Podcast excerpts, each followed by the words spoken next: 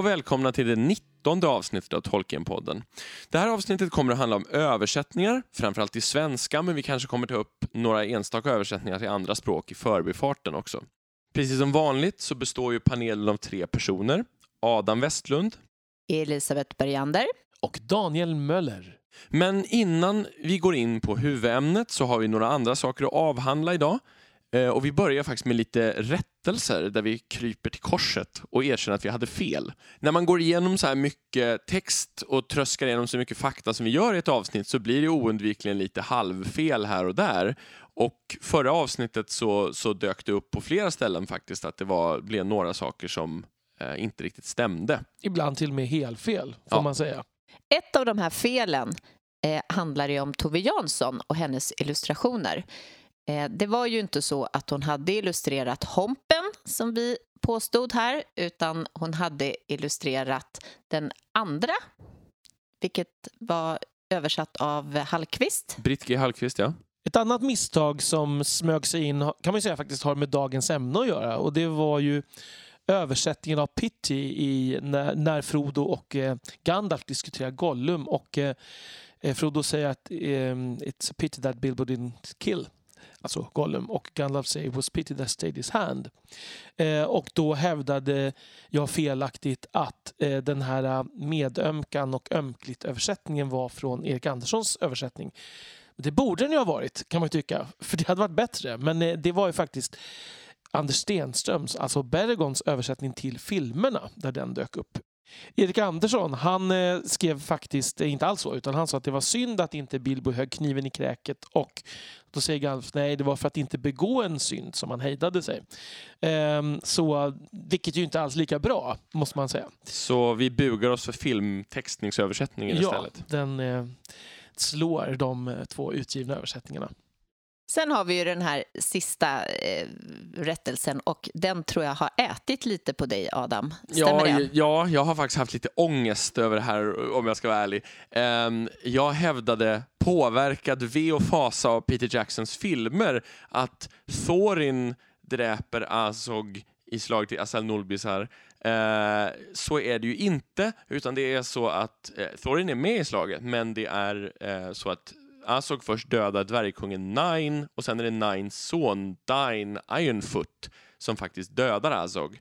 Um, ehm, och det borde jag verkligen ha minst eftersom jag gillar Dine.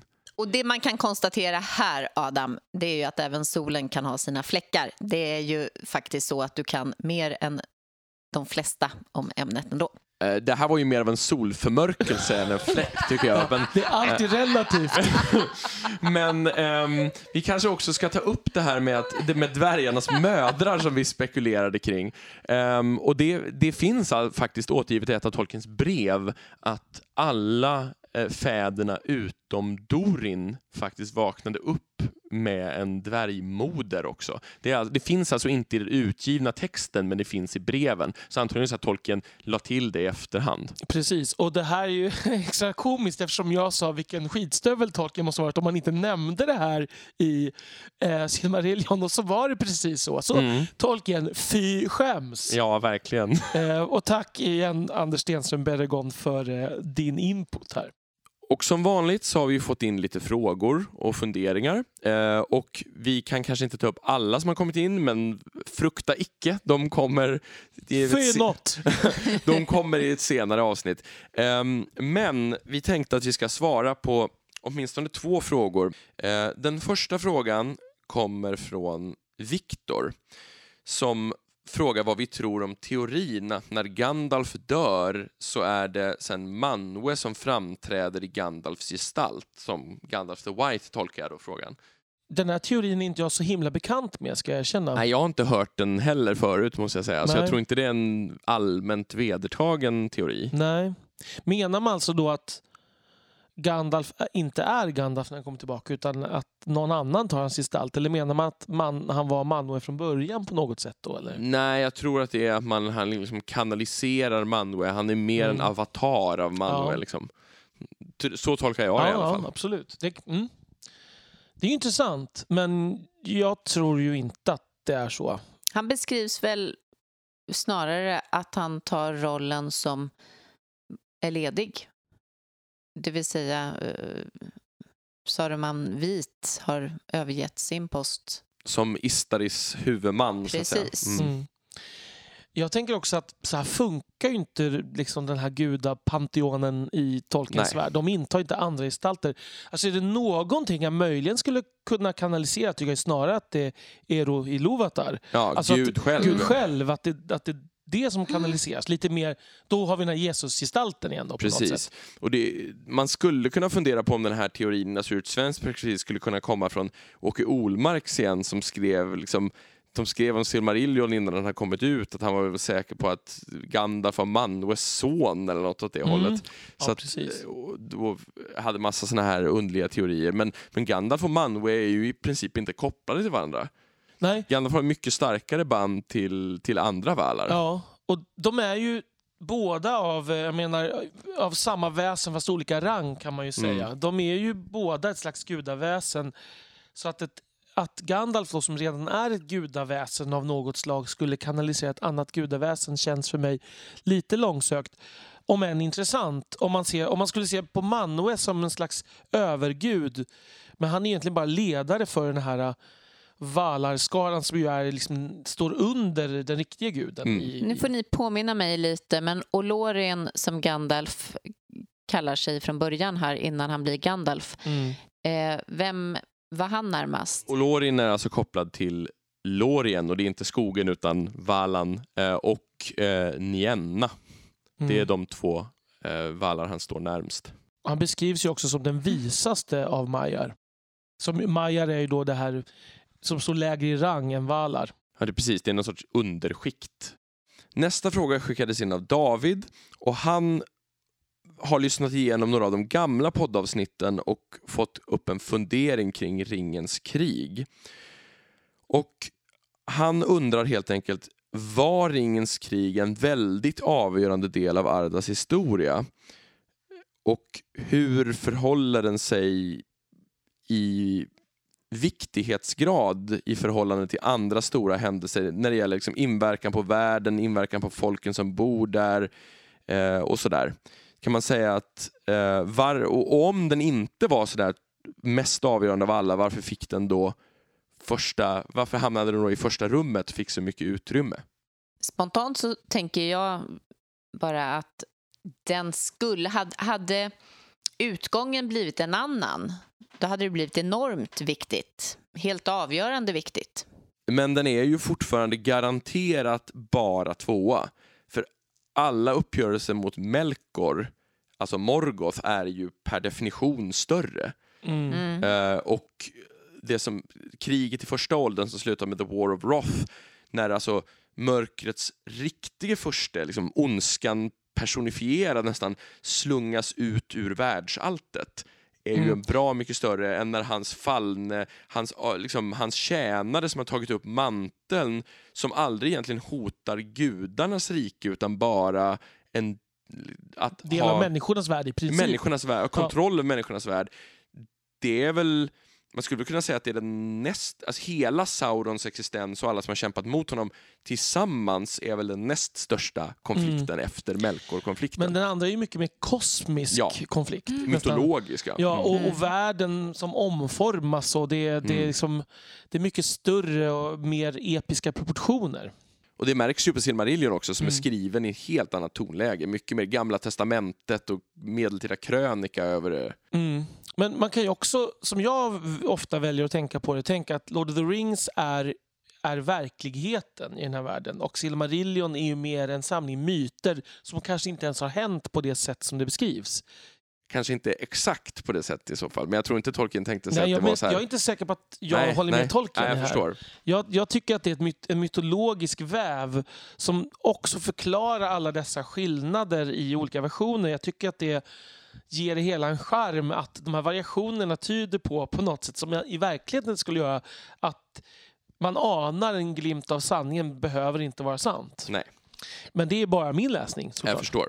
Men, men om man tittar på Silmarillion så är det ju så att hela Ringens krig och allt det finns ju med som ett kapitel tillkommet som en eftertanke kan man väl säga. Och eh, om man då tittar på hela Silmarillion som är ungefär 300 sidor lång så är det kapitlet 20 sidor av de 300 sidorna.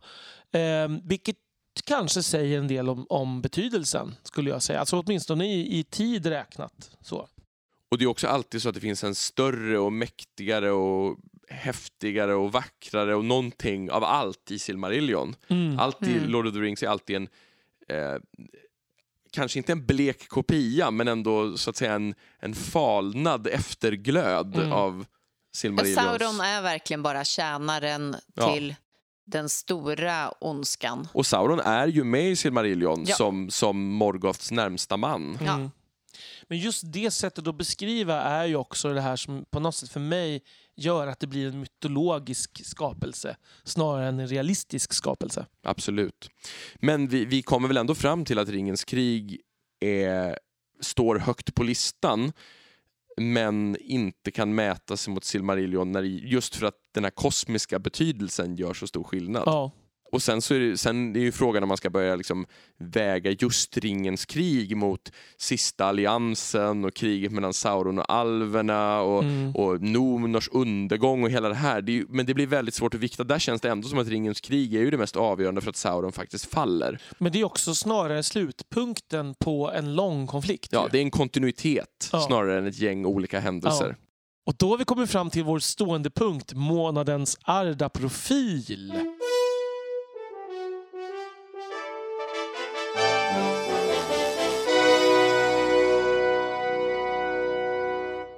Idag är det Elisabeth som eh, ska ta hand om profilen. Vad spännande, berätta. Ja, eh, för det första så tänker jag bara kolla, har ni eh, råkat se på pappret här vem det är som jag ska prata om? Nej. Nej. Då tänker jag se när ni plockar det hela. För det här är en person som jag har valt för att han... Jag vet vem det är. Nej.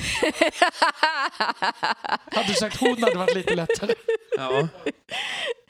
Nej, men han, han spelar en eh, roll och påverkar händelseförloppet trots att han kanske inte gör så mycket eh, aktivt och kanske inte riktigt eh, gör det han ska egentligen. Är det Barleyman Butterbur? Det är precis han faktiskt. Eh, Barleman Butterbur, han kallas, eh, beroende på översättning, nu ska vi prata översättning idag, men han kallas för Barleman Smörblomma i eh, den äldre översättningen här. Eller Malte Smörblom. Jajamän! Eh, och eh, han är ju alltså ägare till The Prancing Pony, eller Stegrande ponnyn. Värdshus i Bree? Precis. Eh, han är en god vän till Gandalf. Tillräckligt god vän för att Gandalf ska lämna honom ett brev som är av största vikt. Eh, vilket han totalt glömmer bort. Och det här med glömskan känns som att han påverkar mer genom det han inte gör än det som han gör, skulle man kunna säga. Hade han lämnat brevet så hade Frodo kommit iväg i tid och så hade eh, det inte blivit så bråttom och så många eh, ryttare som jagat och så vidare. Bok, alltså, bok ett av sex hade ju blivit väldigt kort. Mm. Ja, definitivt. Och nu råkar ju jag älska bok ett av sex eh, och tycka att den är kanske den charmigaste eh, av dem, för jag gillar ju Fylke. Men eh, det, det gör ju att jag är glad att han är så glömsk som han är. Men just den här delen, att han faktiskt han är hjälpsam, han stöttar dem när eh, alla hästarna, ponnyerna, är borta så försöker han ersätta så mycket han kan fast att han själv har blivit drabbad. Eh, han försöker hålla eh, Strider, Vidstige, eh, borta. Och eh, det är ju inte riktigt heller vad han borde ha gjort, givetvis. Nej. Men det är ju Eh, välmening. Men det är välment. Eh, och han är gör allt han kan för att det hela ska bli så bra som möjligt och sen så blir det inte alltid riktigt så bra ändå när han har varit inne och engagerat sig. Eh, men just det här att eh, hade han inte funnits så hade det hela funkat på ett helt annat vis. Han är en väldigt mänsklig figur, måste man säga. Ja, Mm. och det tror jag, jag är faktiskt någonting som inte en slump, utan jag tror att just det där att det ska finnas eh, den mänskliga delen i eh, handlingen är någonting som, som är lite medvetet inlagt. Mm. Mm. Jag tror att han kontrasterar ganska mycket mot de här mer episka figurerna. Ja. Ja, att han, han, det är mycket lättare att relatera till att man är lite glömsk och stressad och har lite brister som, som herr Smörblom. Ja, och tänker man också på att eh, eh, Tolkien kanske försöker hålla någon typ av... Eh, det handlar inte om en människas egen makt eller eh, man, att göra rätt och fel hela tiden utan att det finns någonting större. Sådär. Eh, då, då blir ju det här ett inslag som flyt, gör att det flyter på ganska bra. Jag tänker att han också står för ändå på något sätt det goda i människor, tycker jag. På ett, också på ett mer mänskligt plan. Att det är, som du säger, han gör ju verkligen allt han kan för att hjälpa till. Han kontrasterar ganska mycket mot de många de träffar där de, alltså i den delen av handlingen kan man Mm, säga. Verkligen. Ehm, genom att faktiskt vara en hjälpande hand på vägen. Måste man ju säga, jämfört med som Svarta Ryttarna eller Bill Ormbunke eller varför inte Bert Färne som han heter i nyöversättningen. Och han blir belönad. Eh, för när man gör schyssta saker och goda saker då kommer massa ponnys tillbaka och det ordnar upp sig. Och Frodo och kompani kommer ju tillbaka med goda nyheter till Barliman som har haft en ganska svår tid när de återvänder efter uppdraget och berättar att det kommer nog att bli fler som färdas uppför handelsvägarna igen och du Mm. kommer få mer kunder. Så lite grann är det väl som, även om det inte är de som ger honom belöningen så blir det ändå så att de kommer med goda nyheter till honom att Verkligen. hans liv kommer att vända uppåt lite igen. Jag tycker också det är en väldigt rolig grej just det här när, när de försöker förklara att Strider nu är kung i Gondor. Det, det jag är en sån här, där han bara va? För det, jag förstår verkligen hur obegripligt perspektivet måste vara. Ja, nej men det är klart att det är obegripligt. Ja. Man fattar ju själv hur man skulle associera till den. När man, när man har den typen av relation till personen och inte har förstått den Verkligen. andra sidan. Då är vi framme vid den här huvudhandlingen som eh, vi ska ägna oss åt idag. Och eh, då är det här med översättning. Det är någonting som faktiskt just vi tre har varit en del av och tittat på under ganska många år. Och framför allt för väldigt många år sedan. Mm.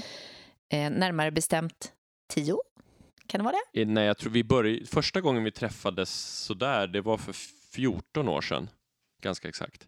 Och för 14 år sedan då började vi ses lite nu och då och just diskutera såna här Tolkien-relaterade saker.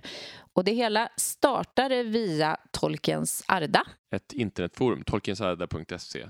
Då beslöt vi oss för att eh, inleda med att träffas och se en av filmerna, om jag minns rätt. Det stämmer bra, va? Ja, man, man kan väl kanske förtydliga att det var så att några av medlemmarna som bodde i Stockholm bestämde sig för att träffas. Precis, och den som drog i det hela ganska mycket det var just Adam. Och eh, vi var väl en eh, tio pers ungefär Ja, 8-10 någonting. som eh, sågs ett par gånger om året. Och förutom att se film så gav vi oss på att eh, översätta texter från Lord of the Rings framför allt.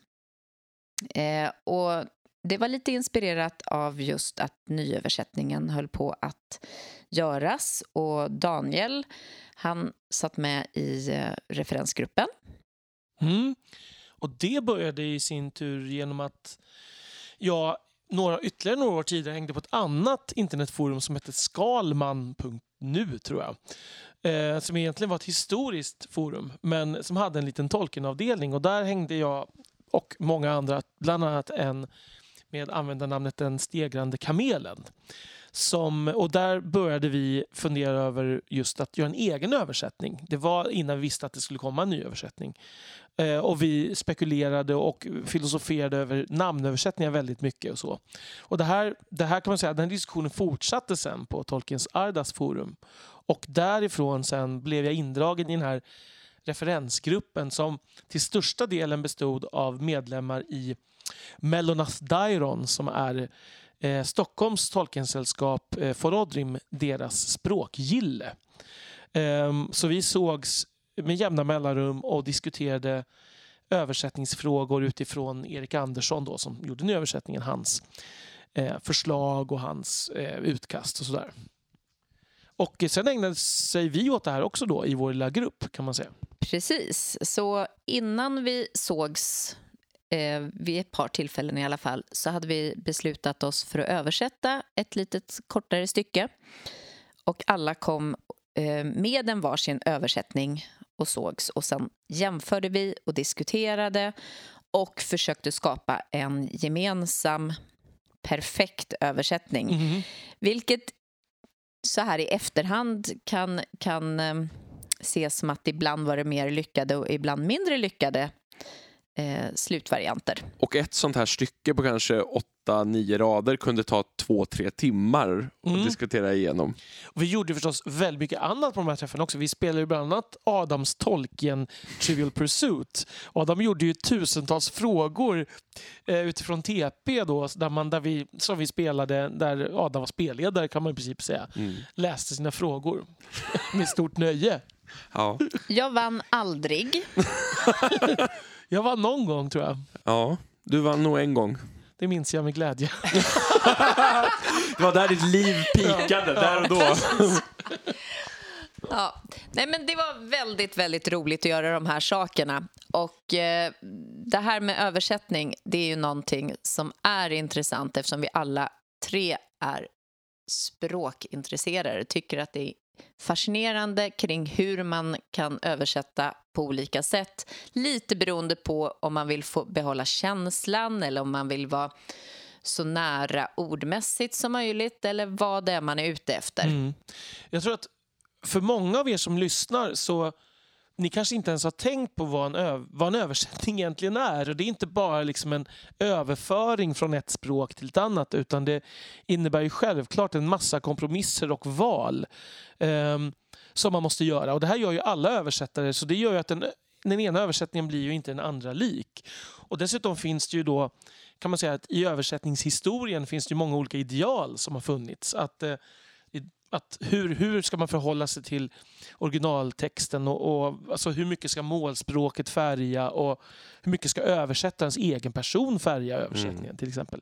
Och regionala referenser, ska det översättas till det här nya språkets områden och hur man...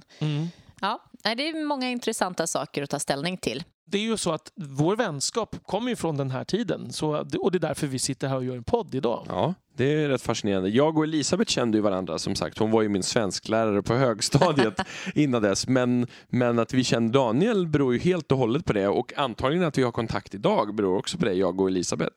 Det finns väl en stor risk att det inte hade varit så annars. Det. Och dessutom på det här sättet har Adam och jag blivit kollegor dessutom. Precis. Väldigt trevligt. Alla dessa goda ting Ja, kommer... Allt beror på tolken. Ja, precis. Men vi tänkte faktiskt att vi ska ta ett av de här styckena som vi översatte för ja, tio år sedan i alla fall Ja, säkert. Ehm, och eh, vi tänkte att vi ska läsa upp originalversionen, den engelska alltså, av Tolkien. Sen ska vi läsa upp våran översättning som vi kom fram till gemensamt då, vår lilla grupp på sju, åtta personer kanske. Mm. Och sen kommer ni få höra Erik Anderssons nyöversättning och sen sparar vi det bästa till sist, nämligen Åke Ormarks eh, Godispåse första- till Ja, översättning. men precis. Twistpåsen. Ja, Med väldigt mycket Rollo-cola. men vi ska då säga att vi, anledningen till att vi valde det här stycket, förutom att det var en stark text, var ju också för att vi tyckte att det verkligen illustrerade skillnaden mellan de två översättningarna. Ja, Adam. Ja, här kommer alltså eh, ett utdrag ur originalet och det är från kapitlet The Stairs of Kirith Ungol. Ja, i The Two Towers. Ja. So they came slowly to the white bridge. Here the road, gleaming faintly, passed over the stream in the midst of the valley, and went on, winding deviously up towards the city's gate, a black mouth opening in the outer circle of the northward walls. Wide flats lay on either bank, shadowy meads filled with pale white flowers. Luminous these were too, beautiful and yet horrible of shape, like the demented forms in an uneasy dream, and they gave forth a faint sickening charnel smell, an odour of rottenness filled the air. From mead to mead the bridge sprang. Figures stood there at its head, carven with cunning in forms human and bestial, but all corrupt and loathsome. The water flowing beneath was silent, and it steamed, but the vapour that rose from it, curling and twisting about the bridge, was deadly cold. Få författare är så bra på att beskriva mörker och ondska som Tolkien. Mm, man säga. Verkligen. Absolut. Ja, då tänkte jag läsa den version som vår lilla grupp kom fram till. Efter mycket, mycket möda och stort besvär. Ja, verkligen. Eh, och det är alltså kompromissen, får vi väl säga. Det här. Sakteliga kom de så till den vita bron. Här ledde den svagt skimrande vägen över ån i dalens mitt och slingrade sig vilsamt vidare upp mot stadsporten. Ett svart gap i den nordliga murens yttre ring. Vida flackmarker låg längs vardera stranden. Skuggiga ängar fulla av bleka vita blommor. Även dessa lyste svagt. Vackra men ändå ohyggligt vanskapta, likt vanvettiga former i en orolig dröm. De gav ifrån sig en svag kväljande liklukt. En stank av förruttnelse fyllde luften. Från äng till äng spände bron. Vid dess fäste stod skulpturer, konstfärdigt uthuggna i både mänskliga och djurlika former, men alla förvridna och frånstötande. Vattnet flöt ljudlöst nedanför och det ångade, men dimman som steg från det, som ringlade och vrängde sig kring bron, var dödligt kall. Och här kommer alltså Erik Anderssons version. Sakta nalkades de den vita bron. Den svagt glimmande vägbanan löpte här över älven som rann mitt i dalen och slingrade sig sedan upp mot stadens port. En svart gapande öppning i de norra murarnas yttre krets. På ömse sidor om älven låg vida, skuggmörka ängar med bleka, vita blommor. De lyste också svagt.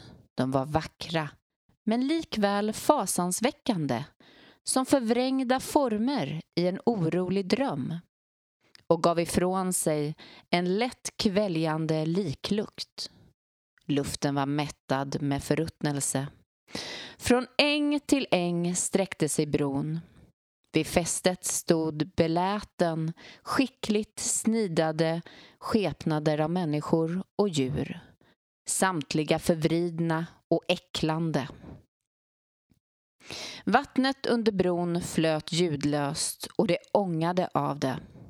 Men diset som ringlade sig upp över bron var kallt som döden. Här kommer alltså Åke Olmarks översättning. Så nådde de långsamt fram till den vita bron. Här förde vägen, vars streck lyste där svagt framför dem, över strömmen i dalsänkans mitt och fortsatte sen, vilsamt slingrande, upp mot stadens och borgens port. Ett svart gap som öppnade sig i nordmurens yttre cirkelbåge. Vida flatmarker bredde ut sig längs båda stränderna, skuggiga ängar fulla av bleka vita blommor. Även de tycktes på något vis lysa, vackra och likväl förfärliga att se på, likt de förvridna vanvettsgestalterna i en mardröm.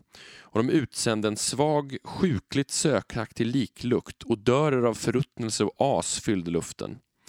Bron sträckte sitt spann från äng till äng.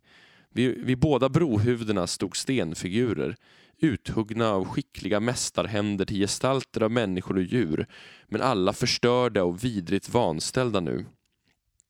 Vattnet som rann fram under bron var tyst som graven, fast det strömmade och ångade och den dunst som steg upp från det var iskall som döden själv. Man måste ju onekligen säga att Olmarks är utsmyckat eh, med diverse färgade eller färgande eh, målande beskrivningar som inte kanske fanns i, i original. Det är ju någonting som vi säkert kommer att komma in en hel del på, att Åke Ormarks genomgående vill förklara mer och lägga till fler adjektiv och, och blomstra till texten ganska mycket. Och det märks ju här och där även i den här Mm. passagen. Ja, precis. Det här är ju inte ett, ett eh, ställe i boken där han går som mest bananas på något Nej. sätt. Det kan man inte säga. Nej. Men man märker ändå viljan att göra det. Och, och jag kan förstå det samtidigt för att det, ge, för att det kanske ibland är så då att det behövs något fler ord för att beskriva samma sak. Men problemet blir ju att när hela texten blir så, så ger det ju en helt annan prägel. Mm. Och då kan man ju säga att Erik Andersson som ju ofta då ligger närmare har istället det motsatta problemet. Att han ofta skalar av mer än vad som finns i originaltexten. Och det tycker jag också man kan märka Mm.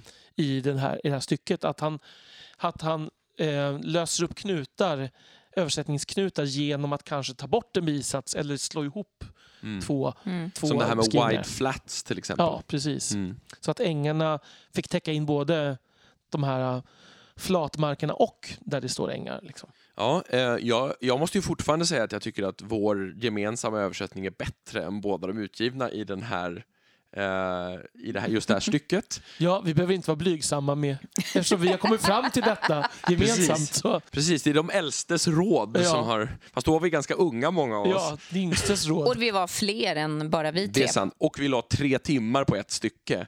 Mm. Det, Ehm, jag tycker att det finns saker som jag skulle göra annorlunda men, men det kan också bero på att jag skulle ha gjort annorlunda om jag hade varit ensam också. Ja. Alltså, det är ju det som också är en smakfråga. Då. Vilket, precis. vilket ord ska man använda i en översättning? Och så. Det kommer vi säkert också komma in på mycket mer. Mm. Men jag tycker ändå att det är rätt intressant att man, för att visa upp hur mycket man blir tvungen att anpassa i en översättning. Att här såg vi tre översättningar av samma ganska korta stycke och de var inte ens i närheten av identiska. Nej, det finns ju delar där vi, där vi ligger nära.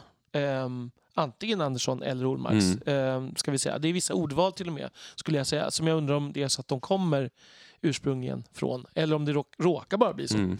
Jag reagerade på ordet äcklande i Mm. Erik Mm. Andersson, så jag tycker det är intressant att man väljer det ordet. Ja, precis. Det blir ju en väldigt fysisk Mm. beskrivning. Och det är alltså loathsome Mm. som är ordet på engelska. Ehm, och Ormarks hade ju det här med as. Och, ehm, Mm. alltså det, han använde ofta två ord för att beskriva ett engelskt Mm. ord. Så han, var det as och förruttnelse? Jag kommer inte ihåg. Mm. Förruttnelse och as, Ja. tror jag. Mm. Och det, det, det är väldigt ehm, typiskt, får man säga. Är Men nu har ni åtminstone fått en liten inblick i hur, hur den där typen av övningar kunde se ut när vi satt och gjorde sånt där och också hur, hur många dilemman man som översättare ställs inför, vilket man kanske inte tänker på när man bara läser böcker och inte har översatt själv.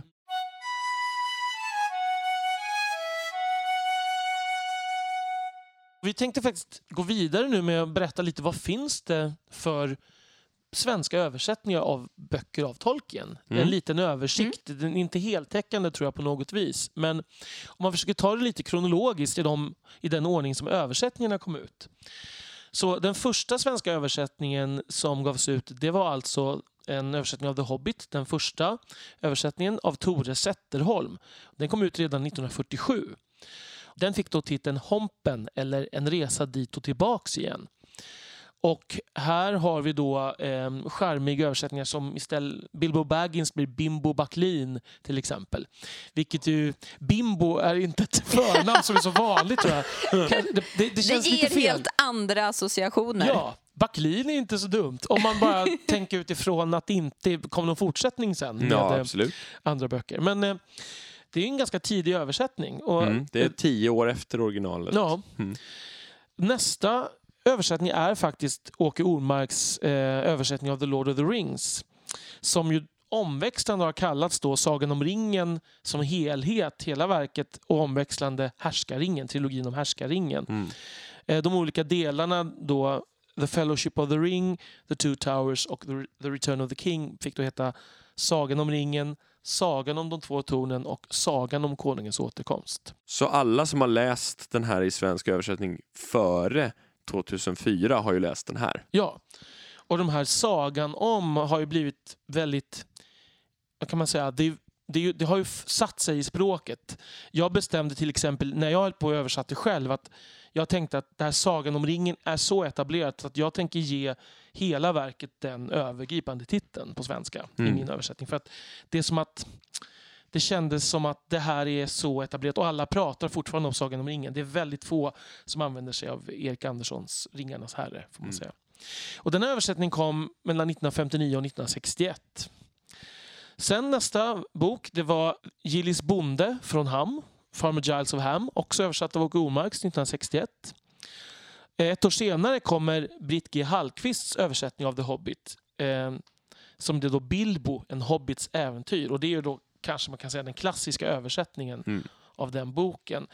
Och intressant är ju då att hon väljer att inte använda Åke Ormarks Hob som översättning av Hobbit, utan hon använder ordet Hobbit. Och det efter att det ju kom fram att Tolkien själv var väldigt missnöjd med ordet Hob. Nästa bok som eh, kommer ut det är eh, återigen en Britt G. Hallqvist-översättning. Det är Smith Wotton Major som blev Sagan om smeden och stjärnan. Och samma år kommer också Träd och blad, en översättning av Tree and Leaf av Åke Ormarks. Och det är ju en samlingsvolym med blad av Nigel och eh, om sagor. Ehm, 1976 kommer Breven från jultomten, The Father Christmas Letters, också översatt av Åke Ormarks som ju avskydde den boken mer än någonting annat på jorden, tror jag. Han tyckte det var trams. Och ändå översätter den. Ja, han fick väl betalt. Sen eh, är det ju så att den stora schismen här sen uppstår ju mellan Olmarks och Christopher Tolkien och Tolkiens dödsbo här. Eh, så att eh, Åke Olmarks får ju inte uppdraget att översätta sin Marillion utan det går till Roland Adlerbert och den utkommer 1979. Han får också uppdraget att översätta Unfinished Tales, Sagor från Midgård 1982 och även de första två delarna i History of Middle-earth, The Book of Lost Tales Part 1 and 2 som blir De förlorade sagornas bok 1 och 2 som kommer 1986 och 1988. Och sen väljer man att inte gå vidare att fortsätta översätta The History of Middle-earth och det är helt rimligt får man säga. Mm. Det blir för smalt helt enkelt. Ja, och det blir nästan meningslöst. Så här, olika språkliga variationer av samma passage. Varför ska man översätta det för? Liksom? Sen dröjer det, kan man säga. Nästa stora Tolkienöversättning är just Erik Anderssons Ringarnas herre, The Lord of the Rings. Där de enskilda böckerna då får undertitlarna Ringens brödraskap, De två tornen och Konungens återkomst. Och den här översättningen kommer mellan 2004 och 2005. Sen kommer Öjevind Långs översättning av The Children of Hurin, Hurins barn, 2007. Samma år kommer också Erik Anderssons översättning av The Hobbit, Hobbiten eller Bort och hem igen. Och sen förra året kom då The Letters of J.R.R. Tolkien, brev från J.R.R. Tolkien av Bergond Anders Stenström. Och det finns ju fler texter så här, men det här är väl de utgivningar som är värda att nämna framför allt. Och eh, utav alla de här översättningarna så kommer vi väl snöa in mest på eh, Lord of the Rings, Olmarks och Erik Andersson Absolut. får man säga. Ehm, bara lite kort kan man väl säga att det är väldigt få som har klankat ner på Adlerbert till exempel med Silmarillion Mm. och även Britt G. Hallqvists översättning av The Hobbit eh, har varit ganska förskonad från kritik även om självklart alla översättningar innehåller någon form av brister och Mm. fel. Så det kan man nog inte komma ifrån helt.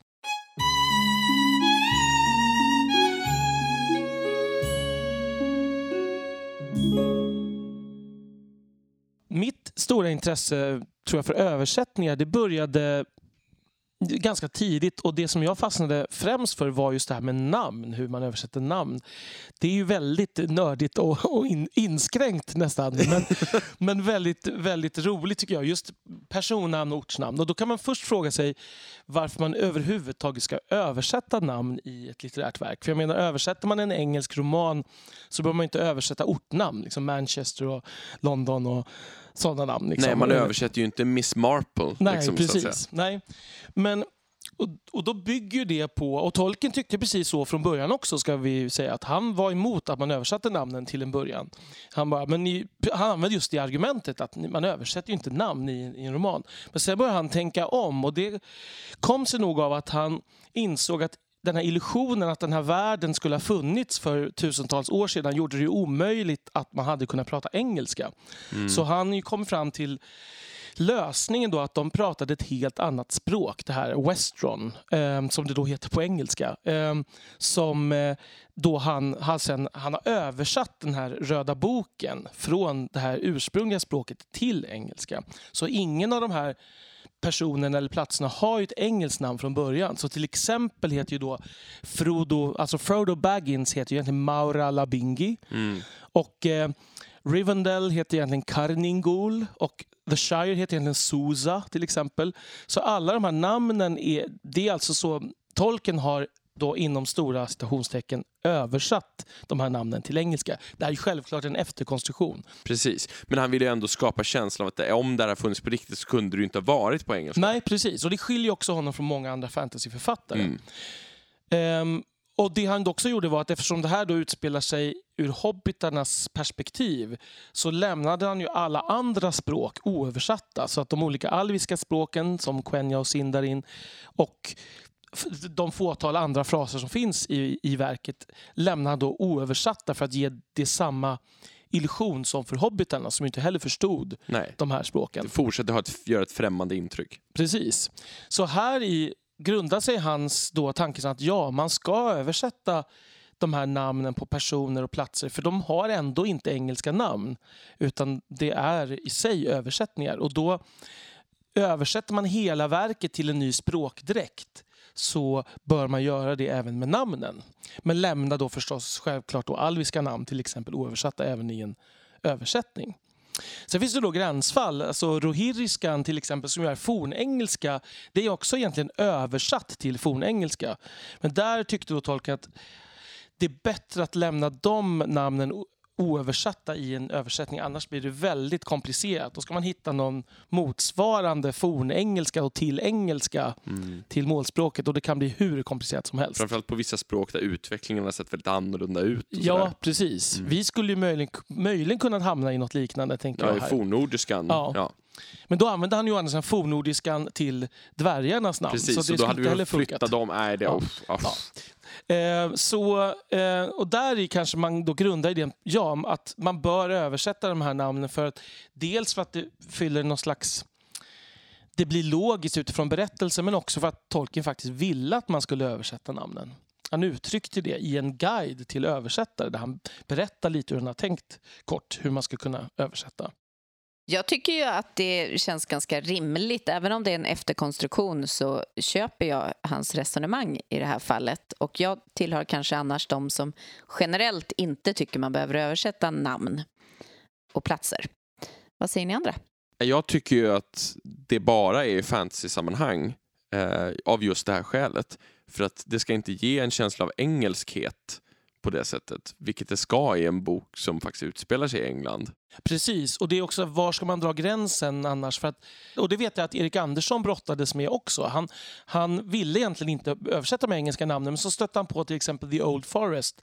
Så, och så, jag tror han skrev i den här lilla dagboken, han skrev jag känner att jag vill översätta det här, hur ska jag göra nu? Alltså, det kändes orimligt för honom att hobbitarna beger sig in i The Old Forest. Det, det kunde bara bli Gamla skogen och då är frågan var ska man dra gränsen om man Mm. då inte Mm. blir konsekvent?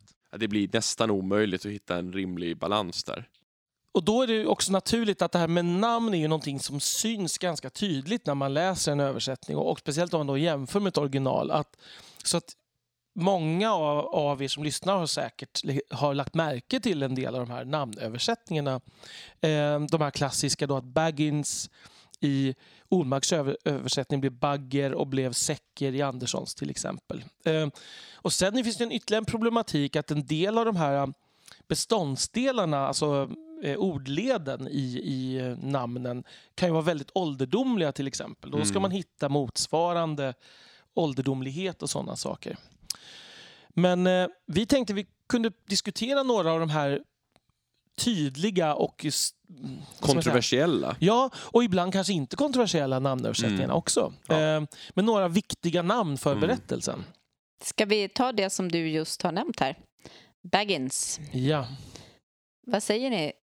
Ja, först ska vi kanske redovisa att Åke Olmarks då alltså översätter det till bagger och Erik Andersson översätter det till säcker med E.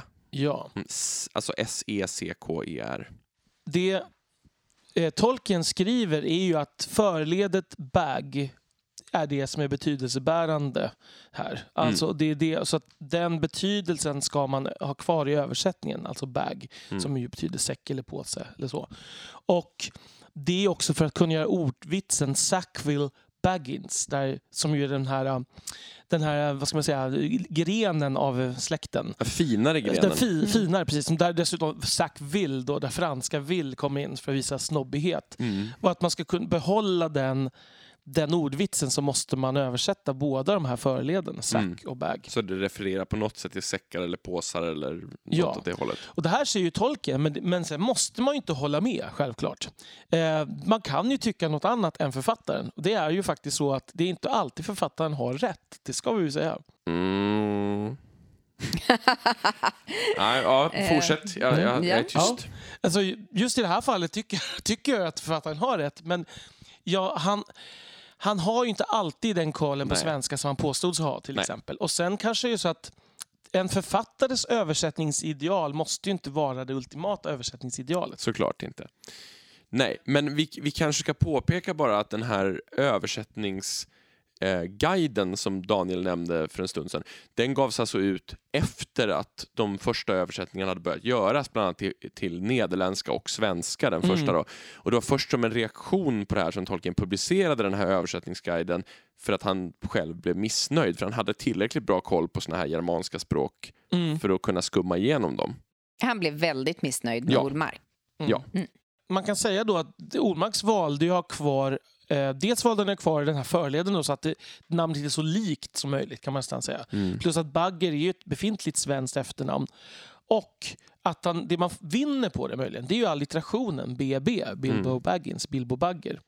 Och han argumenterade ju för det här med utifrån att det finns ett fornnordiskt ord som heter bagir Mm. eh, och att han, han då menade att det skulle finnas liksom den här associationen till säck. Men motståndarna har ju nästan alltid sagt då att det är ingen som känner till det här ordet idag Nej. och därför så fyller den inte den funktionen. Man kan ju också argumentera att okej, svenska ordet, alltså i dagens svenska är bag ett hyfsat vanligt ord. Mm. Så att man liksom ändå skulle den finnas då, associationen. Men det, det blir inte riktigt trovärdigt i inomvärldsligt ändå, tycker jag. Nej. För att det engelska lånordet bag finns kanske inte i fylket, tänker jag. Eh, så då är frågan hur man kan lösa det här och om säck är där den ultimata lösningen. Det är ju... Vad säger vi? Finns det något, något eh, ord som hade funkat för att behålla BB? Bilbo bagage. Bilbo bagage. Bagage! Jag vet att någon, jag minns nu inte vem i något av de här forumen var inne på bylte. Att, börja, att använda Ja. ordet Ja, bylte. det. så skrev jag Bilbo Bylting då eller något sånt här, till Ja, exempel. inte omöjligt. Nej, Ehm, men det är fortfarande det är ganska långt ifrån Ja. påse och säck ändå. Jag tycker ju att säcker är väldigt bra, men jag tycker inte att man skulle behövt ändra säck. Alltså, jag tycker säcker med ä skulle ha varit en bättre stavning. Ja. Det ser så konstlat ut med e, tycker jag. Sen är det intressant tycker jag att den behåller ändelsen er, säcker. Det finns ju andra ändelser. Säcking till till exempel. exempel. Det hade Mm. jag tänkt ha i min översättning. Mm. Fast det var med många frågetecken efter när jag tittade igenom mina gamla beslut kan jag säga. Nej, men så, så jag, jag röstar för säcker med, med ä. Ja, jag håller nog med. Definitivt är framför E. Sen gillar jag det där med bylte kanske jag, även om det är lite mer långsökt så gillar jag ju känslan av att man kan behålla eh, BB. En sak som komplicerar detta förstås, det är ju att det hänger ihop med platsnamnet Bag End. Mm. Som är Mm. alltså, alltså The bag end är alltså på något sätt man går in i en säck och inte kommer ut igen. Kan man Som en säga. återvändsgränd. Ja, en återvändsgränd. Mm. Precis, Mm. en cul de sac då, som det Mm. heter. Ehm, och det måste man också på något sätt då bevara. Vilket gör det ännu mer omöjligt. Och där har ju då um, Olmarks baggershus, vilket ju funkar om man använder bagger. Men Andersson har ju det lite olyckliga sex ände Mm. får man ju lov att säga. Jag förstår, man har kommit till vägs ände, man har kommit till Ja. sex ände. Men det låter, sex och ände i det här sammanhanget låter som någonting helt annat. Ja, det är, det, är, det är närmast ekivok. ja, verkligen. Mm. Nu är det nog bäst att vi går vidare här. Och jag tänker då att eh, kan vi inte ta och hoppa ett jättehopp eh, till en annan plats eh, som man faktiskt bara måste väcka till liv. eh, och det är ju Rivendell som när jag läste eh, Lord of the Rings första gången på svenska så hette det Vattnadal. Mm. Och i Erik Anderssons översättning heter den alltså Riftedal.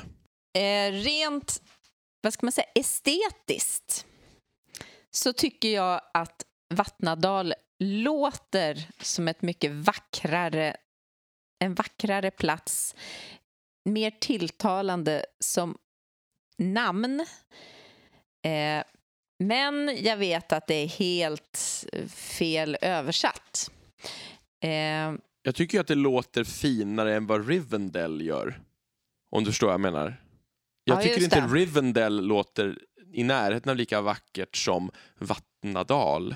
Däremot låter möjligen Rivendell vackrare än Riftedal.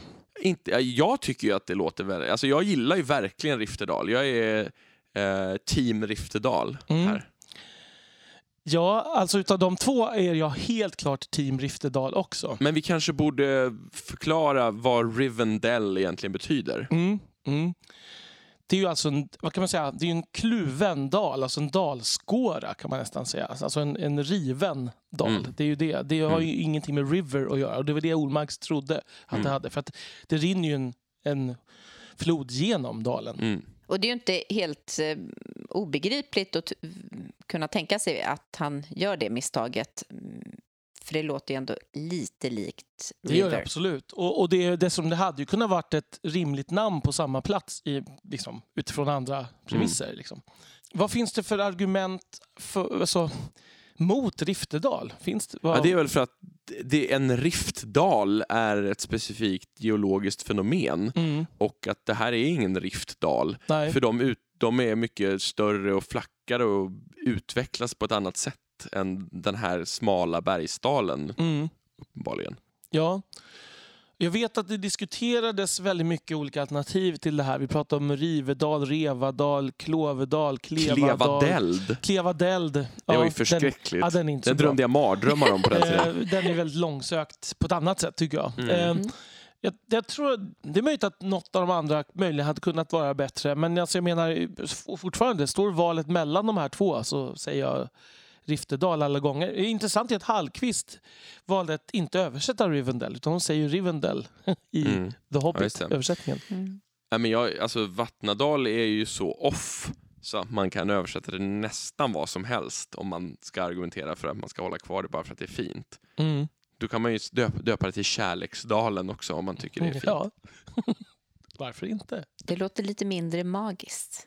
Ett annat platsnamn som ju också har vållat mycket rabalder eh, snar, alltså snarare egentligen diskussionen om man borde ändra på det, det var ju översättning av The Shire till fylke. Mm. Eh, Mm. Och där är jag... Jag tycker att fylke är rätt så bra, ska jag erkänna. Mm. The Shire är ju ett grevskap alltså i, i England, ett, ett shire.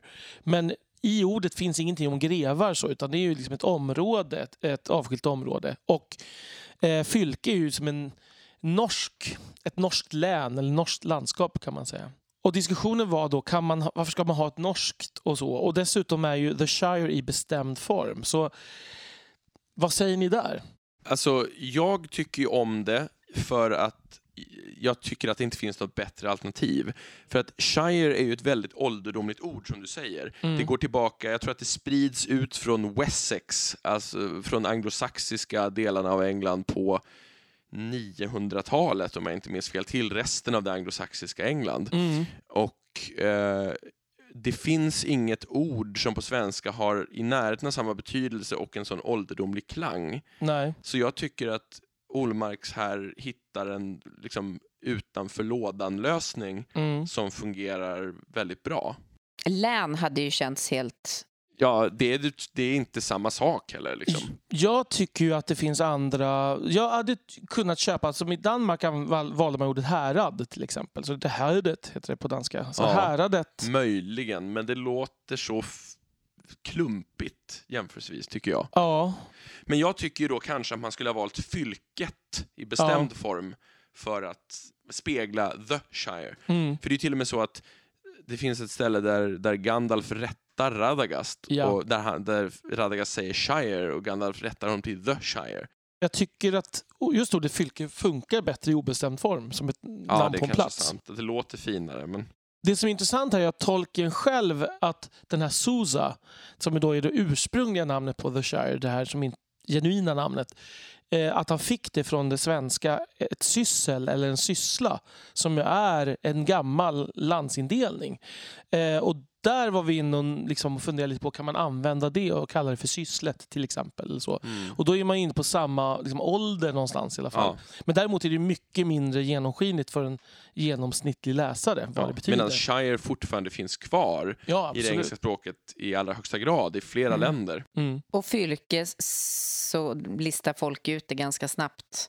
Men jag ska säga att när jag läste boken när jag var liten hade jag ingen aning om vad ett fylke var. Nej. Jag tyckte bara att det var ett bra namn på en plats. Mm. Ja. Men det som är bra med är att jag anknyter på något sätt till att fylke, det är landet där folket bor. Liksom, Mm. På något sätt. Och det är ju det är lite typiskt hobbitskt ju att okej, vi kallar det här, det här där vi bor, det är The Shire, det finns bara ett. Eh, det här är The Hill, liksom. Mm. det här är Hobbiton, det är liksom, alltså det, allt finns bara en av på något sätt Mm. ursprungligen. Känns som. The Precis. River, eller Ja. ehm, så till exempel. Och det talar ju för att det hade varit bra att ha något som kunde finnas i bestämd form. Ja, Mm. sant. Sen finns det ju några lyckade översättningar till. Och eh, en av dem som vi tycker, tror jag allihopa, en Mm. riktigt bra översättning är ju Strider som har översatts till Vidstige. Ja, jag är lite tveksam, fast jag tycker att det är väldigt bra på samma gång. Jag är ju inte alls tveksam. Här tycker jag eh, att det här är Olmarks bästa sida, där han hittar oväntade lösningar som kanske inte är så nära som det går att göra dem, men som, som förmedlar samma innehåll, eh, tycker jag. Mm. Det, det har en no, något annorlunda ton i namnet, Mm. men det låter verkligen som ett namn. Absolut. Men det är ju inte ett namn. Det är ju det som är... Nej, men alltså Poängen- ett, ett epitet då, Jo, jag säga. förstår. Men, det, eh, mm. Men min, det som är, jag håller med, det är bra. Och det kan väl också säga att både Fylke och Vidstig är namn som Erik Andersson valde att behålla. Mm. Ehm, han försökte inte ens med någonting annat.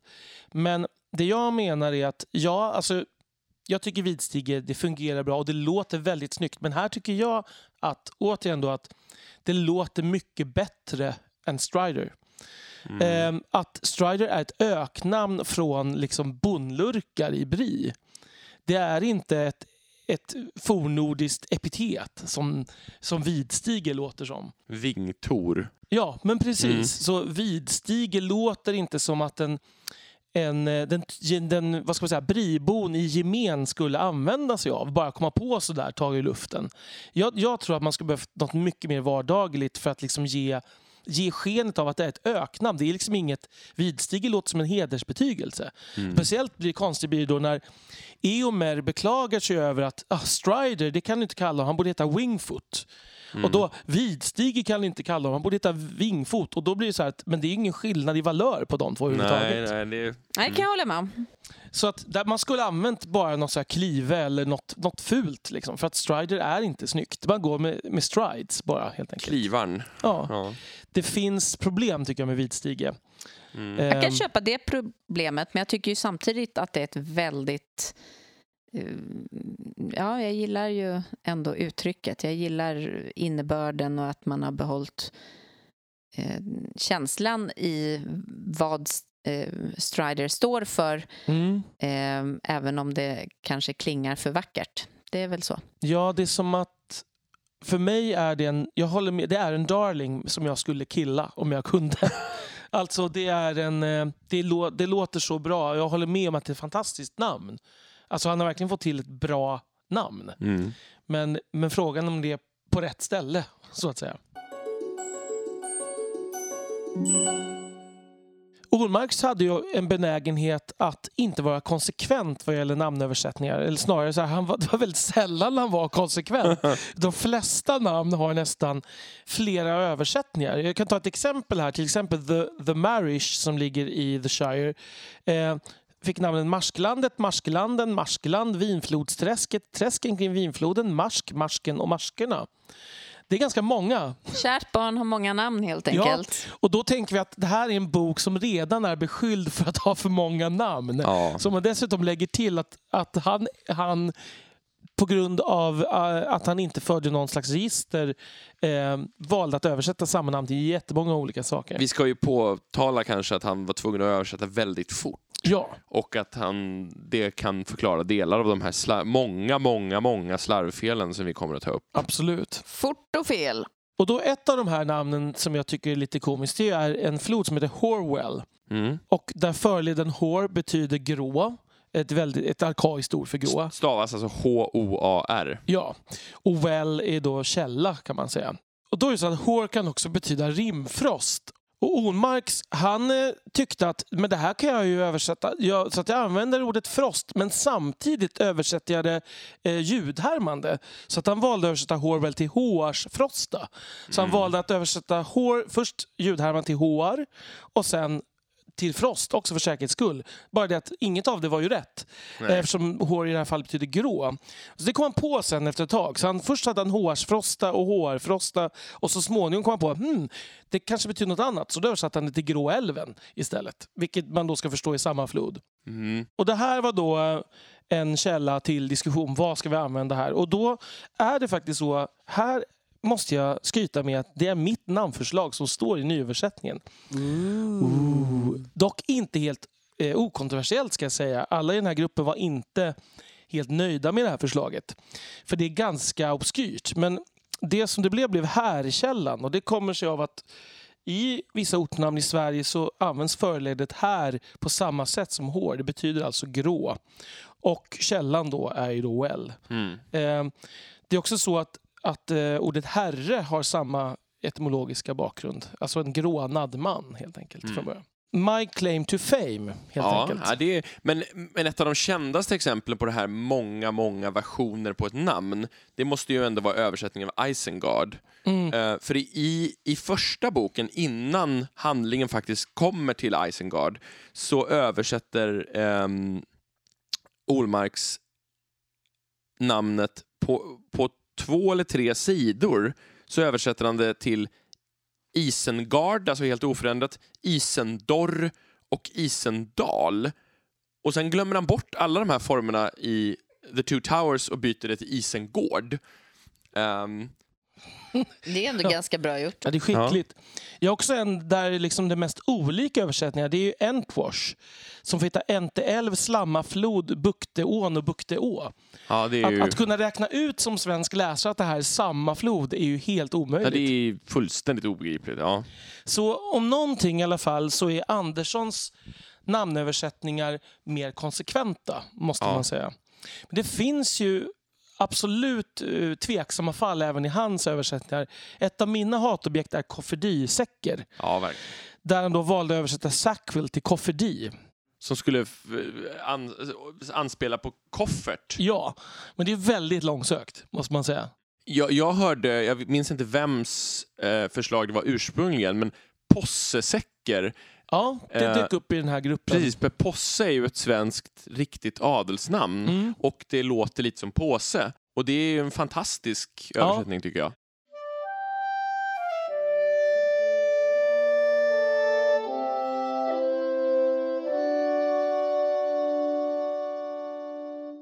Det finns ju en väldig massa dikter utspridda genom verket och i, eh, och i Olmarks översättning har han översatt dem själv också. Eh, medan i Erik Anderssons översättning så är det Lotta Olsson som har översatt dikterna. Här, den, här tänkte vi bara ta exemplet, den kanske kändaste dikten i hela verket, eller ganska säkert kändaste dikten i hela verket, ringversen. Three rings for the elven kings under the sky, seven for the dwarf lords in their halls of stone, nine for mortal men doomed to die, one for the dark lord on his dark throne in the land of Mordor where the shadows lie, One ring to rule them all, one ring to find them, one ring to bring them all, and in the darkness bind them. In the land of Mordor where the shadows lie. Och då kom ju den första översättningen här av Åke Olmarks. Tre ringar för älvkungarnas makt högt i det blå. Sju för dvärgarnas furstar i salarna av sten. Nio för de dödliga som köttets väg ska gå. En för mörkrets herre i ondskans dunkla sken. I Mordorslandets hisnande gruva. En ring att sämja dem, en ring att främja dem, en ring att djupt i mörkrets vida riken tämja dem, i Mordors land där skuggorna ruva. Och då tar vi Lotta Olssons version av denna ringvers. Ringar tre skall alver se under himlens rand. Sju för dvärgars härskare som djupt i berget bor. Nio för människor som döden tar om hand. En för mörkrets herre på mörka tronen stor i Mordor, i skuggornas land. En ring att styra dem, en ring att se dem, en ring att fånga dem och till mörkret ge dem. I Mordor, i skuggornas land. Ja, alltså... Båda de här översättningarna är ju faktiskt ganska dåliga, måste jag säga. Båda har ju lite förtjänster och brister. Ja, men Olmarks är ju sämre, det måste vi ändå säga. Mm. Man måste ju säga att en ring att sämja dem, en ring att främja dem, en ring att djupt i mörkrets vida riken tämja dem. Och, men också framförallt i Mordorslandets hisnande gruva. Men när det alltså står in the land of Mordor på engelska. Where the shadows lie. Ja. Ja, Och dessutom översättande olika, så andra gånger blir det ju Mordors land där skuggorna ruva. Precis. Vilket ju var en bra översättning. ja, varför inte samma på båda ställena Ja. som det är på engelska? Ja.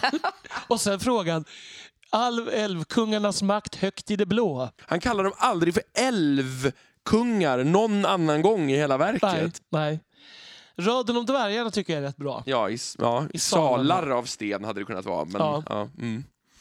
Och människor som köttets väg ska gå. Ja. Det är ju poetiskt men det är ganska konstigt. Ja, det, det påminner ju om den gamla sommarsalm Allt kött är hö och Ja. blomstren dö och tiden allt fördriver. Mm.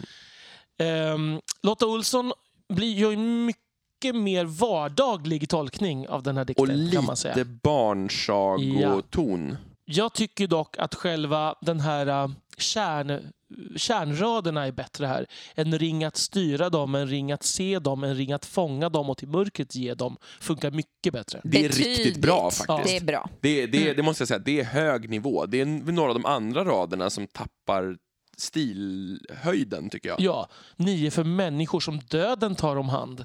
Ja, men Så- ännu mer mörka tronen stor tycker Ja. jag. Och dvärgarna som djupt i berget bor. Ja, Alltså ja. Det, är- det, det är verkligen tomtar och troll här. Eller, eller Elsa Beskow.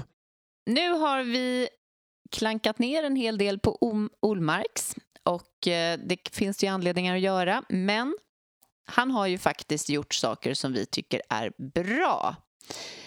Eh, och frågan är, vad är det som vi egentligen tycker att det här är hans styrkor? Eh, jag tänker personligen att han har varit ganska bra på att ge färg när han inte svävar iväg för mycket. När det inte blir för svulstigt så kan han verkligen eh, ge en känsla. Han kanske tar stegen lite för långt eh, ifrån över, översättningsmässigt men han kan ibland behålla eh, känslan för vad som händer. Vad säger ni andra? Ja, men jag tycker han är väldigt bra på att skapa en stämning och att han, är, han har verkligen en stark poetisk ådra Mm. som när han inte, som du säger, när han inte låter den löpa för långt så får han verkligen ut bra text här och där. Men han är så otroligt ojämn. Det är kanske Mm. det som, liksom, som vi kommer komma tillbaka till. Men jag tycker när han är som bäst är han ruskigt bra. Mm. Och kanske också hade han valt att inte göra det så ofta. Mm. För problemet kanske är att han inte är ojämn utan att han är jämn snarare. Att han hela tiden... Eh, Blommar ut. ja, Men jag tänker lite kvalitetsmässigt ojämn också. Mm. Att vissa konstruktioner är geniala och andra är helt absurda. Jag tycker den här språkliga fantasin som ni pratar om, den är ju verkligen påtaglig. Hur han, han njuter ju själv av sitt eget språk, får man ju säga. Det, och det menar jag som något positivt. Han, det, är, inte- det är inte den språkliga fantasin det är fel på på Nej. något sätt. Och det man får säga ändå är också att han genom den här språkliga fantasin har fångat generationer av svenska läsare in i den här världen. Och kanske faktiskt på ett bättre sätt än Erik Andersson. Mm. Ehm, för att det fin- han skapar ju någon, när han som sagt, återigen, när han är som bäst så skapar han någon form av magi. Mm. Det är en magisk värld man får träda in i och det är delvis tack vare hans språk, inte bara liksom själva berättelsen. Ehm, han är en ruskigt underhållande författare på egen hand, vi har nämnt det tidigare, men hans, hans böcker, eh, hans självbiografier och såna här saker är ju väldigt roliga att läsa för att han, det är så frodigt och frejdigt. Ja. Men det är också en, om nu vänder lite på det här myntet, Tolkien är ju fornnordisk, fornengelsk från originalkällor och Omarks är det via Göttiska förbundet på något sätt. ja, precis. Den här 1800-tals... Det, det är, vad heter det, vad heter det? Det är Fritjofs saga, den typen av verk Mm. mer som det andas. Och vi ska ju också påtala att Olmarks eh, har översatt otroligt mycket annat än Lord of the Rings, men har fått mycket kritik för samma saker där. Även i till exempel fornnordiskan där han är också en fantasifull översättare men som inte håller sig till formen. Mm. Så nordister har svårt för Olmarks också. Erik Andersson är ju en översättare av en helt annan tradition. ehm, från, en, från en helt annan tid bevisligen eftersom han är en nu levande författare får man ju säga. Eh, han är inte bara översättare utan även författare också. Och med ett helt annat typ av språk och ideal. Ehm, jag tycker hans styrkor är att han eh, i sina bästa stunder då återigen behåller det mer avskalade hos Tolkien. Det är, han svävar inte ut på samma sätt. Och det är väldigt sällan man blir förbannad eller brister ut i gapskratt, vilket ju faktiskt händer Mm. ibland med Olmarks. Så det finns ju en mycket närmare vad ska man säga, det är närmare originalet. Men då kan man också säga att han hade som sagt en faktagranskningsgrupp som satt och kontrollerade vad han gjorde. Så det är också så att han hade andra förutsättningar. Förlaget satsade jättemycket på den här nyöversättningen och gav honom jättemycket tid för att han skulle göra den här översättningen. och samtidigt som eh, less is more är hans styrka så är det också lite hans svaghet för att eh, det blir även det som försvinner. Mm. Less är ibland less också. Ja, den har väl anklagats för att vara lite torrare generellt. Ja. Och lite som vi kunde se där, just det som Elisabeth var inne på, att han kapar ju ibland bisatser snarare. När han, när han inte kommer förbi på något sätt. Känns som att han tar bort, eh, förenklar eh, och avmystifierar språket snarare ibland. Mm. Jag tycker både Olmarks och Andersson, återigen nu vänder jag här till att bli negativ, har lite svårt med tonläge på olika sätt. Att Olmarks ibland fångar det här vardagsspråket jättebra, nästan för väl. Och ibland låter han liksom hobbitarna prata oerhört högtidligt när det inte passar alls, tycker jag. Och Andersson, han är ju lite tvärtom. När det ska vara som mest eh, episkt så vågar han inte riktigt gå in i det. Så att Ta säga. i. Nej, men, men han klarar inte heller riktigt det här vardagsspråket. Det blir väldigt lika i stil skulle jag säga i många lägen. Samtidigt som man ibland använder helt omotiverat gammaldags ord som tärn och samkas istället för kärn och samlas till exempel. Någonting som är ett allmänt problem för Åke Olmarks, som ju inte Erik Andersson har problem med, det är det här med engelska idiom. Alltså fasta uttryck. Eh, och det finns ett antal fall där Åke Olmarks antingen totalt har missförstått uttrycket eller återger det med någonting som inte är ett motsvarande svenskt uttryck utan bara översätter det rakt av. Eh, och det här är ju någonting som låter ganska konstigt ibland. Ett av de konstigaste och roligaste exemplen eh, är när Pippin eh, rusar ner för att hitta Gandalf när Faramirs liv är i fara i eh, Minas Tirith. Och han ser att Gandalf står i portvalvet öga mot öga med häxkungen i en av de mest dramatiska scenerna i hela Lord of the Rings. Eh, när Pippin ser det här så skriver Tolkien helt enkelt “He stopped dead”. Ett uttryck som alltså betyder att han tvärstannade. Mm. Eh, och här skriver alltså Åke Olmarks “Han hade hejdat döden”. Det, det är imponerande tycker jag. Mm. Av en, av en liten halvlängdspyssling. Ja, Vi har ju redan nämnt eh, en del av det här också att Ormarks hjärna blommade ut och det märks ju i långa stycken men det märks också bara i korta meningar. Och eh, ett av mina favoritexempel på det är när eh, Frodo och Bilbo möts igen i Riftedal, eller Vattnadal då som det heter hos Ormarks. Så, så skriver... Eh, så när, när Frodo tar fram ringen så börjar ju Bilbos ansikte förvrids och han börjar liksom famla efter den här ringen och då säger tolken eh, om Frodo då, he felt a desire to strike him.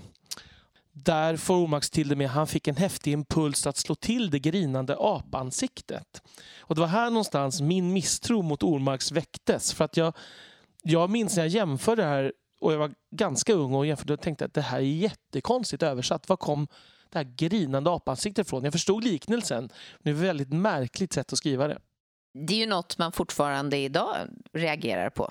men ett annat sånt här fantastiskt exempel på ett fel, eh, fel missförstått idiom är där eh, Frodo är eh, tillfångatagen i, i Kirith Ungolls torn och eh, Snaga-orken piskar Frodo och säger åt honom “keep your trap shut”, vilket ju betyder ganska exakt “håll käften” eller “håll Mm. truten”. Eh, och det översätter eh, Olmarks till att Snaga säger åt Frodo “håll falluckan väl stängd”. Det, det, det skulle ju alltid kunna vara en briljant liknelse. Antingen extremt rätt eller väldigt fel. ja. Mm. Har vi fler sådana där roliga exempel? Vi har ju den här förstfödde till exempel. Ja, det, det är ju helt fantastiskt. Men det är ju mer av ett misstag i allmänhet. Alltså dels att han missförstår världsbygget eh, och, att han, och att han faktiskt bara inte vet vad ordet betyder snarare än att han missförstår ett, ett fast uttryck. Så här. Men ehm, det står When the firstborn roamed, och det betyder alltså när de förstfödda, det vill säga alverna, vandrade. Mm. Och det här översätter Åke Ormarks till den förstfödde, en bölade. Han trodde att Rome och Roma var samma sak. Och det här med att det blommar ut ibland och blir eh, beskrivningar som inte finns i närheten av i original, det är ju en sak. Men sen finns det ju andra tillfällen när det faktiskt blir seriösa fel på grund av att man har översatt eh, väldigt, väldigt fritt. Och det Olmarks har gjort vid ett tillfälle det är ju att han har bytt eh, person som dödar häxmästaren. Och Det det, är är ju ju lite all- ganska allvarligt. det måste man ju säga att det, det är allvarligt. Det är ju så att i, eh, i originalet så är det ju alltså eh, Eowyn som eh, dödar häxmästaren och Eh, det blir ju en ordvits i sig för att häxmästaren har eh, fått veta att han, ingen man kan döda honom. Eh, och hon drar till med poängen men jag är ingen man och tar av sig hjälmen och visar att hon är en kvinna eh, och sticker svärdet i honom. Eh, det gick lite tokigt när Olmarks översatte där. Där blev det nämligen så här. Raglande rätade han upp sig och med uppbjudande av sin sista styrka drev han med otroligt hugg sin klinga mitt mellan kronan och manteln när de breda axlarna böjde sig ner mot henne. Ehm, ja, Alltså det låter som här då som att det är Mary som gör en hjälteinsats och räddar Eoin från häxmästaren. Och det är ju uppenbart att det syftar tillbaka på Mary därför att han precis har huggit häxmästaren i knävecket i, i meningarna tidigare. Det var dit han nådde. Ja, Att han sen helt plötsligt ska nå upp då. och ta sig runt honom till framsidan Ja. också. Ja. Och det finns väl ett par... Jag tycker att det, det som är lite sorgligt här det är ju att vi tar alltså Tolkien som sällan ger någon kvinna någon större hjälteroll eh, här dessutom blir bestulen på den enda gången som, eh, som han gör det. Mm. Eh, Och det som är så mystiskt är att två tji blir till han. Två stycken. Eh, Det är nästan som man blir lite konspiratorisk här. Mm. Men det här, ö- om, om någon tycker att jag har läst den gamla översättningen och det står inte så här. Det beror på att det ändrades, eh, Mm. jag tror 1990 till någon ny jubileumsutgåva. Det här var ett av de fel som han rättade till. Precis. Precis. Men det kan ju också förklaras med att Olmarks översättningstaktik var ju att han, som han själv beskriver det, men han gjorde en råöversättning av allting och sen satte han sig och skrev om, vilket ju förklarar väldigt mycket Mm. saker.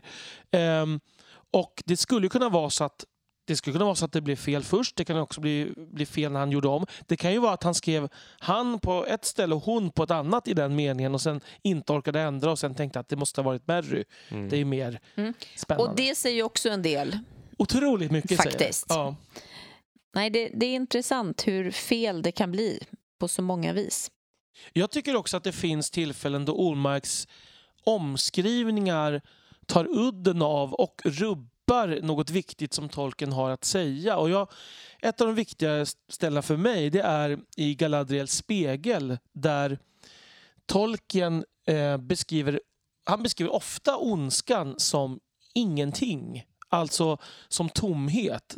Som, som på något sätt avsaknad av ljus snarare än mörker nästan kan man säga. Att det, det, ondskan har egentligen eh, det är bara en, eh, en skuggbild av någonting, så av, av godheten. eller så. Det, och Ondskan är enögd till exempel jämfört med godheten som är mer pluralistisk. Så. Och Det här tycker jag kommer fram i ett stycke när, det stycke när Frodo och Sam ehm, eh, får besöka Galadriels spegel och när Frodo tittar ner i spegeln och ser Saurons öga. Och Det låter så här i originalet. But suddenly the mirror went altogether dark, as dark as if a hole had opened in the world of sight, and Frodo looked into emptiness. In the black abyss there appeared a single eye that slowly grew until it filled nearly all the mirror. So terrible was it that Frodo stood rooted, unable to cry out or to withdraw his gaze. The eye was rimmed with fire, but was itself glazed, yellow as a cat's, watchful and intent, and the black slit of its pupil opened on a pit, a window into nothing. Så han menar alltså att det här ögats pupill är som ett fönster ner till ingenting.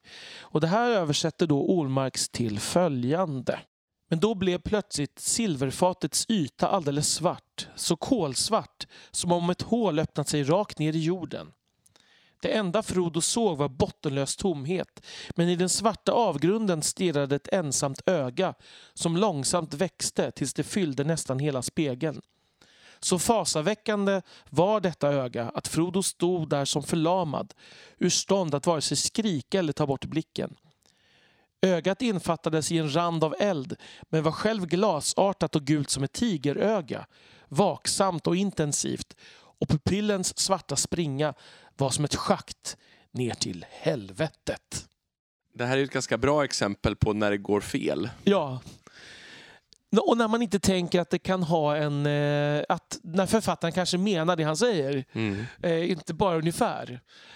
Han ändrar ju kattögat till tigeröga. Det får man väl leva med. Det låter ju mer imponerande med tigeröga. Det är stor, mer storslaget Ja, det låter, på något sätt. lo, känns inte så Midgårdskt Nej. dock. Men där ett schakt ner i helvetet är verkligen inte samma sak som a window into nothing. Nej. Och det här med rakt ner i jorden Mm. uppfinner han ju bara från ingenstans. Ja, precis. Också. Och det där finns det ju otroligt många andra exempel på också när han skjuter in ett adjektiv eller en bisats som förklarar någonting som inte behövs egentligen. Han lägger ju ofta till eh, adjektiv eller adverb eh, snarare. När, när rollfigurer säger någonting så Holken använder ofta bara he said. Men Ja. då lägger Olmax ofta till sa han bekymrat eller något Ja, liknande. eller till exempel när Aragorn, Aragorn shouted på något ställe så dundrade Aragorns tordönstämma står det Ja, på något ställe. Och, sådär. Och, och eh, något ställe står det the black blood came gushing out blir eh, svarta blodet kom sprutande ut som bläck.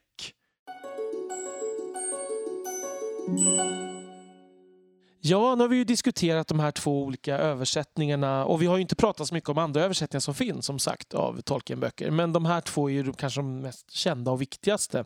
Men hur ska man förhålla sig till de här och vad tycker vi egentligen om dem om vi ska summera? Vad säger du Elisabeth?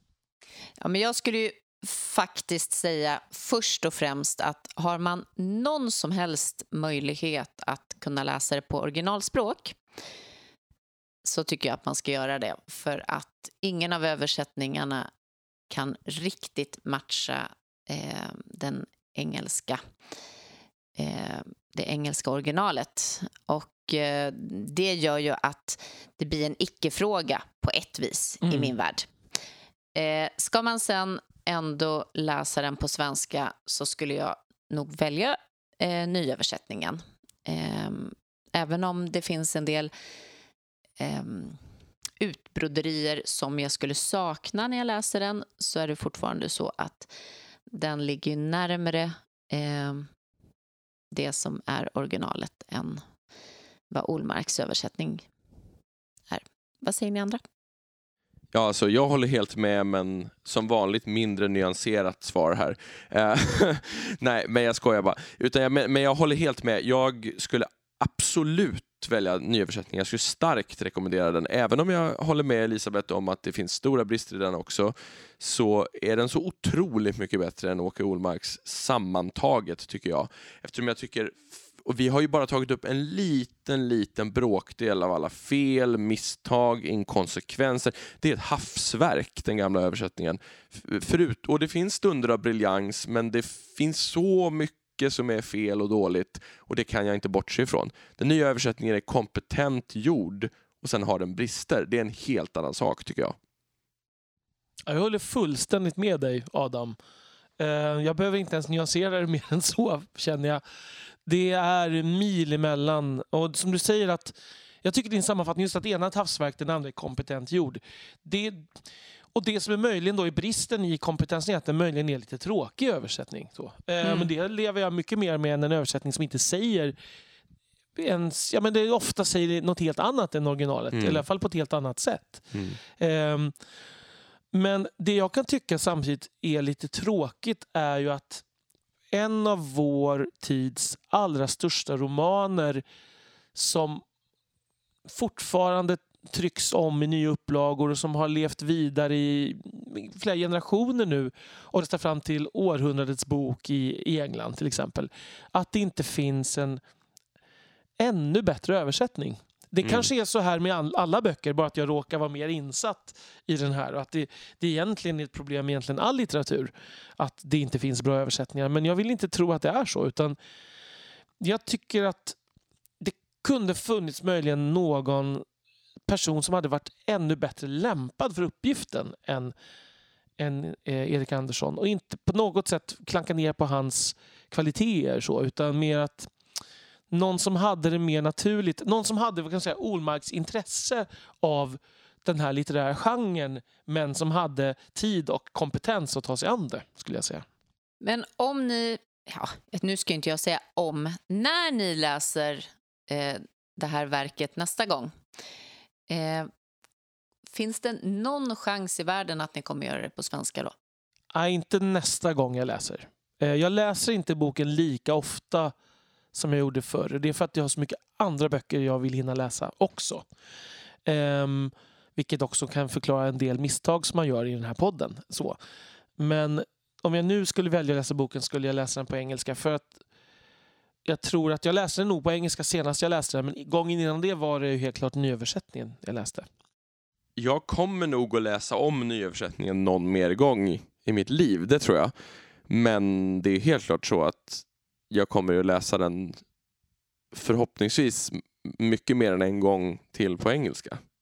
Mm. Det är mitt svar. Men jag Mm. kommer nog att läsa nyöversättningen någon mer gång bara för att det är intressant att se hur ett verk som jag ändå är så pass besatt av kläs, kläs i svensk språkdräkt så att säga. Mm. Mm. Men jag tänker inte ta i havsverket igen. Eh, jag skulle kunna tänka mig att någon gång läsa Omarksserien för av, dels av någon slags nostalgiska skäl, för att det var ändå mitt första möte med den här världen. Men också för att se hur, hur framstår det egentligen idag? För det var ganska länge sedan jag läste Omark, ska jag erkänna. Eh, mer än liksom enskilda stycken. Det däremot den här diskussionen har väckt i mig igen är ett nytt sug att göra en egen översättning. Men det vet jag att det kommer ju aldrig hinna. Så att det får nog bara vara en liten... Det kan man kanske göra på min ålders höst sen.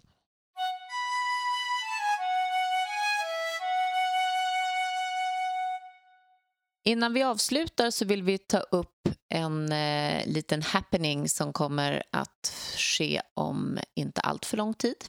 Nej, precis. När ni har det här avsnittet så är det i mindre än en månad kvar. Det är ju någonting jag nämnde i förra avsnittet. Eh, det är att söndag den 25 november så blir det ja, en hel kväll i Nacka kyrka med Tolkien-tema kan man säga.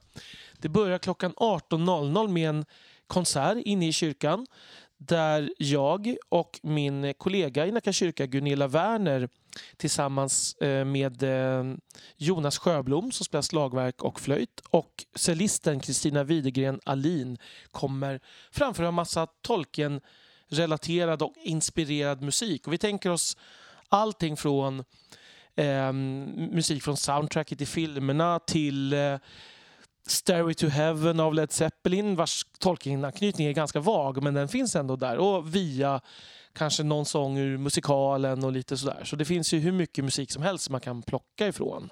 Och därefter blir det faktiskt ett panelsamtal med oss i Tolkienpodden. Vi tre kommer vara med. Livepodd alltså. Livepodd. Med, och dessutom så kommer en eh, Tolkien-intresserad präst som heter Peter Fransson och även då eh, Gunilla Werner som också deltog i konserten. Eh, och temat för detta kommer vara Tolkien och kristendomen. Lämpligt nog i kyrkan. Så. Känns ju helt rimligt faktiskt. Ja, Och det är också ett tema vi har rört vid ganska många gånger i många avsnitt så det blir bra att liksom möta det head-on till slut. men precis. Och eh, vad passar då bättre än att göra det live där? Ehm, så konsert, lite salta pinnar i en paus och sen blir det panelsamtal och lite frågestund också har vi tänkt oss på slutet av det här panelsamtalet. Så vi hoppas ju självklart att så många som möjligt av er, våra kära och trogna lyssnare, vill komma på den här konserten och eh, panelsamtalet. Och som vanligt så vill vi ju väldigt gärna att ni tar kontakt med oss med tankar, idéer, frågor och rättelser eller annat. Där, eh, och det går via mail, tolkenpodden gmail.com eller Facebook eller Twitter. Vi finns ju numera i de flesta digitala former. Vi väntar bara på Tolkienpoddens Instagram. Precis. Lunarstorm. Och med de, med de orden så tackar vi för oss från Mordorslandets hisnande gruva. Eh, tack för att ni har lyssnat på det 19 avsnittet av Tolkienpodden och hoppas att ni är tillbaka igen för det 20. Tack så mycket och hej då! Hej då! Hej hej!